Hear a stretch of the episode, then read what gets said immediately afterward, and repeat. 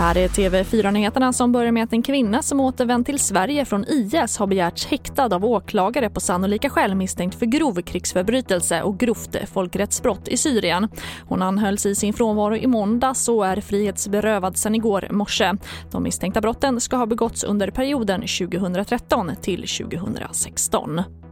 Och 19 nya dödsfall med covid-19 har rapporterats idag. Totalt har nu 14 809 personer avlidit i smittan i Sverige. Och just nu intensivvårdas 44 personer med covid-19 runt om i landet.